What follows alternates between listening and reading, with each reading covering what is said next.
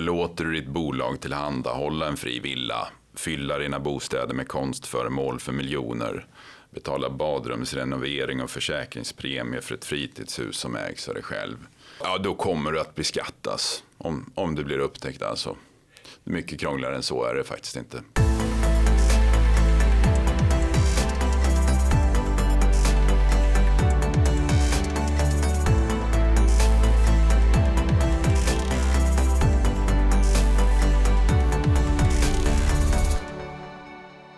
Efter att Högsta förvaltningsdomstolen meddelat att något prövningstillstånd inte ges så är Jan Guillous skatteprocess slutligen över. Det här är ett ärende som har följts noggrant under lång tid av Skattebetalarnas auktoriserade skatterådgivare och jurist Erik Wiger. Och för att berätta mer om ärendet så har jag bjudit in Erik till Skattebetalarnas podcast. Uppskattat, varmt välkommen Erik. Tack. Trevligt att ha dig här. Eh, du är ju auktoriserad skatterådgivare och arbetar hos oss sedan flera år tillbaka. Berätta, vad är det du gör? Framförallt så besvarar jag tusentals skattefrågor om allt möjligt och driver skatteprocesser åt våra medlemmar. Mm. Eh, kan alla medlemmar få hjälp att driva en skatteprocess? För att kunna få hjälp att driva en skatteprocess behöver man ha tecknat vår tilläggstjänst skatterättsskydd. Men för att få bolla skattefrågor med oss jurister så räcker det att man är medlem i föreningen. Mm, ja, det är en eh, generös service som jag vet är mycket uppskattad och en påminnelse till alla er som är medlemmar att glatt höra av er om ni har frågor eller funderingar om deklaration eller andra skattefrågor. Eh, och är man inte medlem så är det ju då en stark rekommendation att bli det, för det här är en fantastisk och mycket eh, billig service får man säga. Man får kvalificerad skatterådgivning eh, för en väldigt nätt slant. Eh, men idag ska vi prata om skatteprocesser, eller en specifik skatteprocess, men inte en som du har varit eh, ombud i, utan som du följt från läktarplats tillsammans med din kollega Magnus Bodö. Och det handlar om en process mellan Skatteverket och författaren Jan Guillou. Eh, vad är bakgrunden till att du fick upp ögonen för den här processen? Det är lite ovanligt att vi följer något annat än medlemmar. Det, det började väl egentligen för 30 år sedan med att jag läste Guillous fantastiska hjälteroman Ondskan. Och som vuxen har jag sen fortsatt att läsa hans texter i Aftonbladet. Eh, jag håller med honom ibland, ibland inte, men jag tycker nästan alltid att texterna är underhållande. Och i januari 2020 skrev han en text med rubriken Jag kommer vinna mot Skatteverket och de vet om det. Där han berättade att Skatteverket hade gjort revision på hans bolag och beslutat att förmånsbeskatta hans författarverkstad genom att påstå att verkstaden var en bostad. Han skulle då överklaga och förstås vinna och under de kommande åren skulle han som kompensation sänka sin egen skatt. Det här låter ju som en hjälte tagen mer eller mindre ur Jan Guillous egna romaner där han, eh, hjälten tar en strid mot en övermakt och slutligen vinner. Eh, vad tänkte du när du läste den där texten?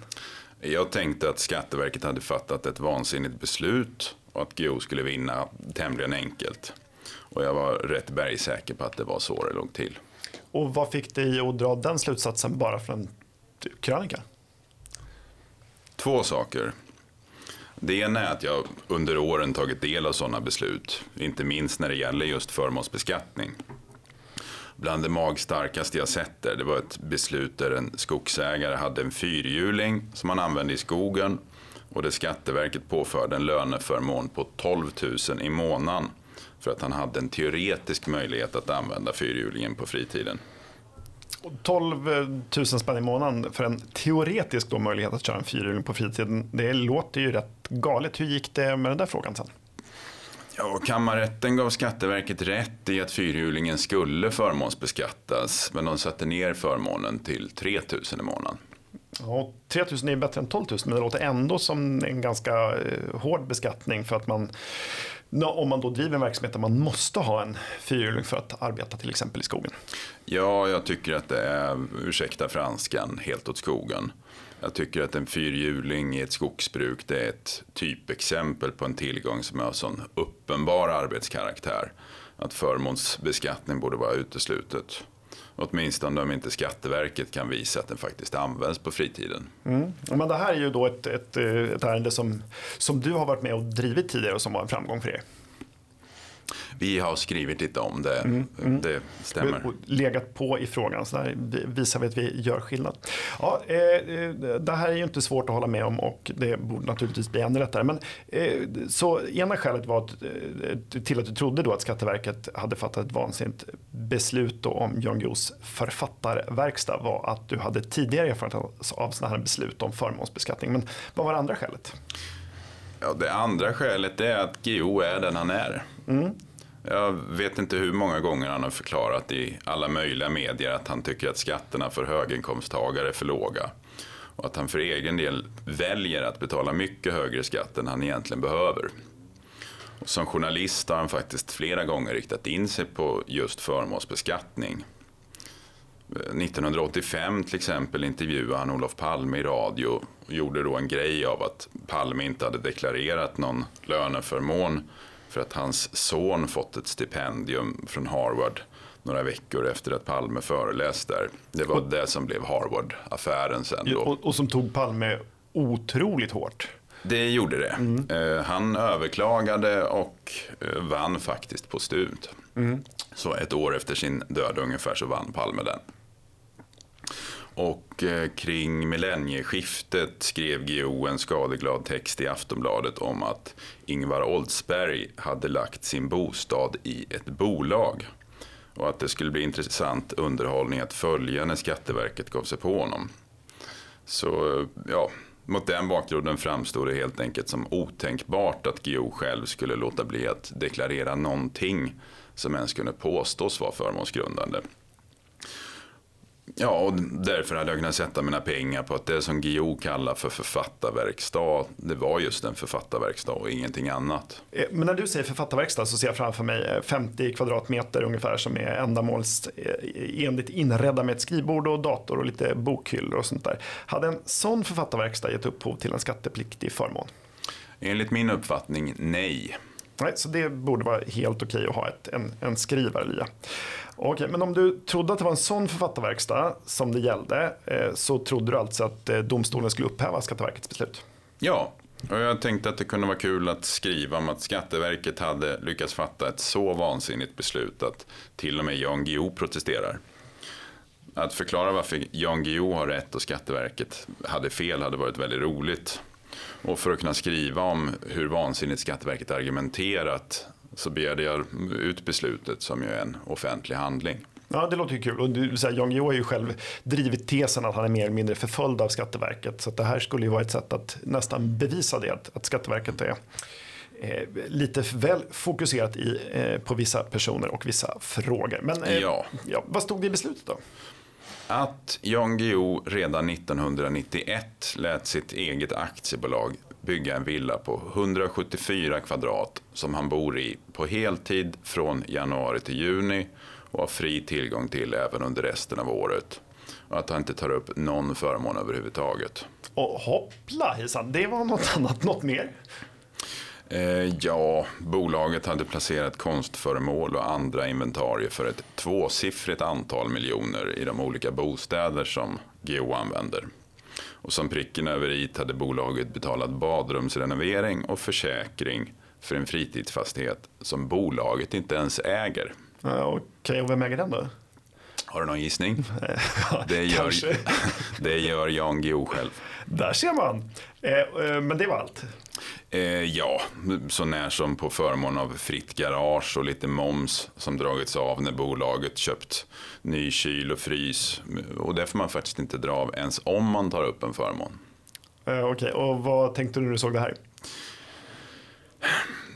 Jag hade nästan svårt att ta in det och fick läsa om beslutet flera gånger. Jag förstår. Eh, eh, och när det såg ut på det här sättet så föll förstås idén om att skriva att Jan Guillou hade rätt och skulle vinna mot Skatteverket. Ja, så ja, det fick vi tänka om. Men eh, när det nu visar sig att den person som genom åren ropat allra högst efter att få betala högre skatt i verkligheten förhöll sig till skattereglerna på det här sättet och dessutom tänkte driva en rättsprocess som gick ut på att få slippa betala skatt för villan, ja då blir det intressant på ett annat sätt. Och eh, Guillous text i Aftonbladet hade i rubriken Därför kommer jag att vinna mot Skatteverket. Så då tyckte vi att det föll så naturligt att ge vår text rubriken Därför kommer Jan Guillou förlora mot Skatteverket. Mm, och hur säkra kunde du och ni vara på det då? Ja, du, du, känner ju oss och vet att vi skattejurister är ganska försiktiga, mm. för att inte säga fega. Och eh, om vi skriver därför kommer Jan Guillou förlora mot Skatteverket, ja, då, då pantsätter vi i praktiken våra egna huvuden. Och det, det gör vi förstås bara om utgången är helt självklar redan på förhand. Mm. Förlåter du ditt bolag tillhandahålla en fri villa, fylla dina bostäder med konstföremål för miljoner, betala badrumsrenovering och försäkringspremie för ett fritidshus som ägs av dig själv. Ja, ja. ja, då kommer du att beskattas om, om du blir upptäckt alltså. Mycket krångligare än så är det faktiskt inte.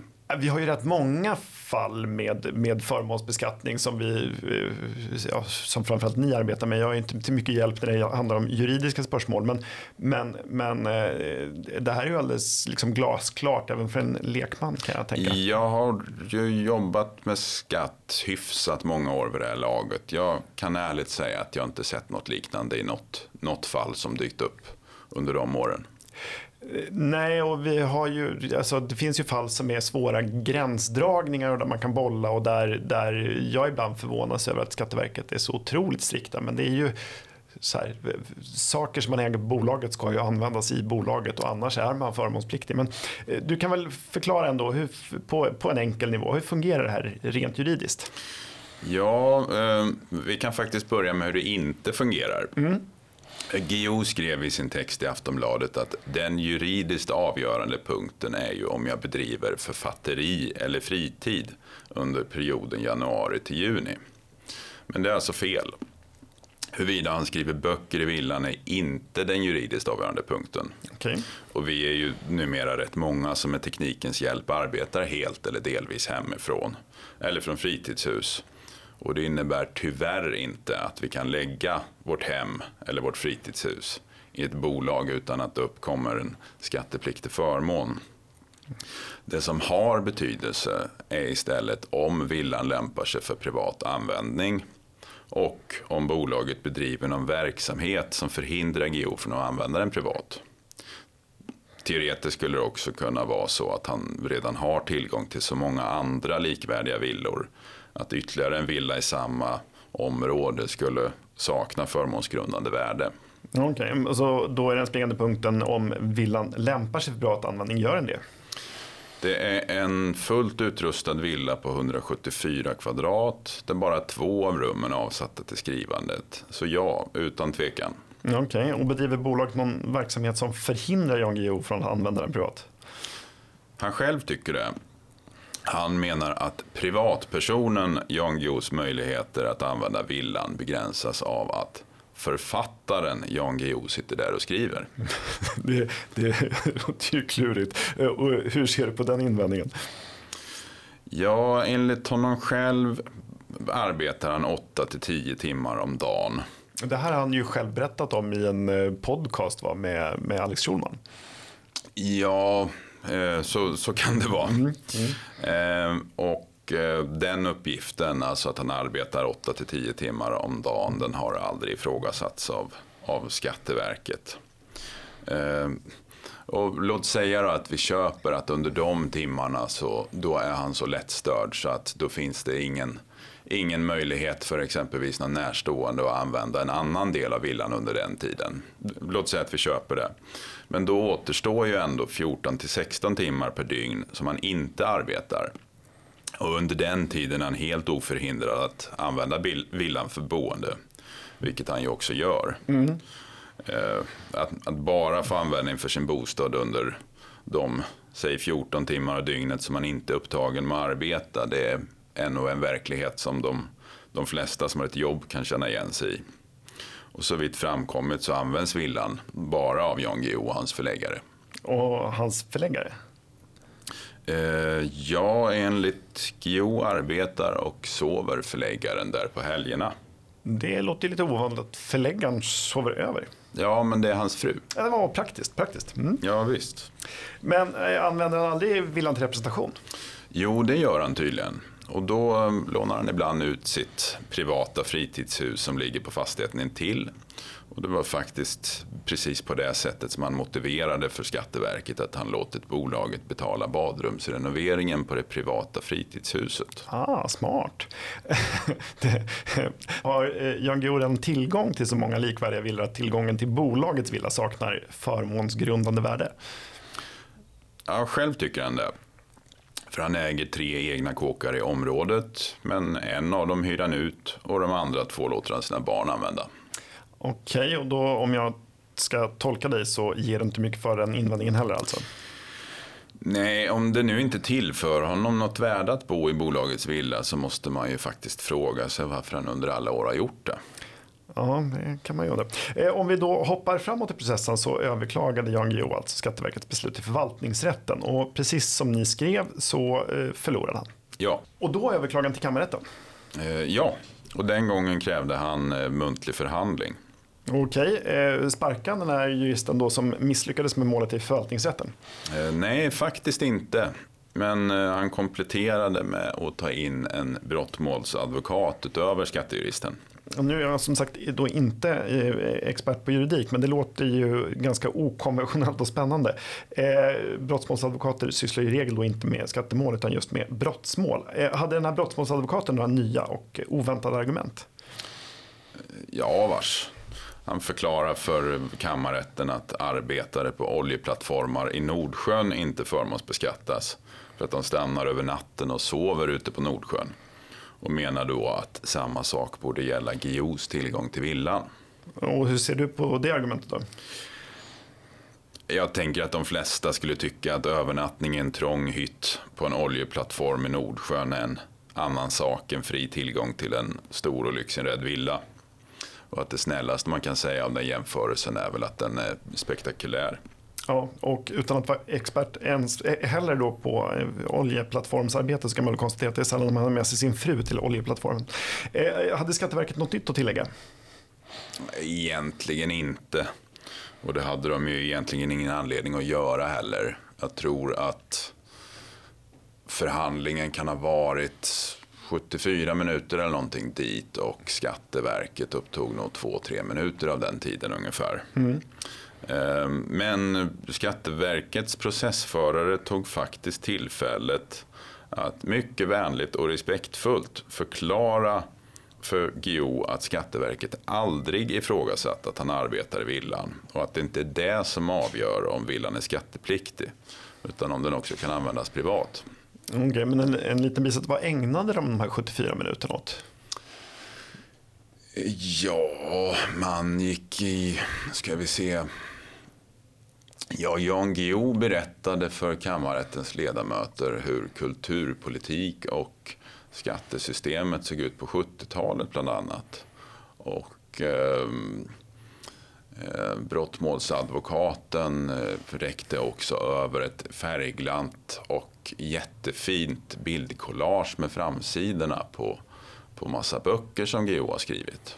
Som bevisning då för att han använder villan till att arbeta.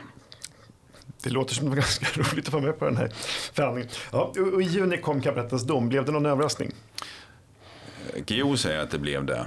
Eh, men jag tror inte att det blev det för någon annan. Det låter som att hans eh, överklagande fick ett avslag alltså? Ja. Det var väl kanske inte så oväntat. Har han kommenterat den här kammarrättsdomen själv? Ja, han säger att innehållet i domen är att han aldrig arbetar i villan och att han bor där 365 dygn om året. Ja, men du berättade ju precis att Skatteverket till och med förtydligat särskilt att Skatteverket aldrig ifrågasatt att han arbetar i villan och att det inte var det som det här handlade om alls. Ja, och det framgår dessutom av Skatteverkets beslut och det framgår av förvaltningsrättens dom och det framgår av kammarrättens dom. Eh, och varför han ändå säger som han gör, det, det vet inte jag. Eh, och sen överklagade kammarrättens dom till Högsta förvaltningsdomstolen och i september kom beskedet att HFD, eh, då, eh, alltså Högsta förvaltningsdomstolen, inte beviljar prövningstillstånd. Ja, och därmed är processen över. Okej, har han kommenterat den här förlusten? Mm. Han är intervjuad i Uppsala Nya Tidning och beklagar att han går till historien som skattesmitare trots att han inte är det.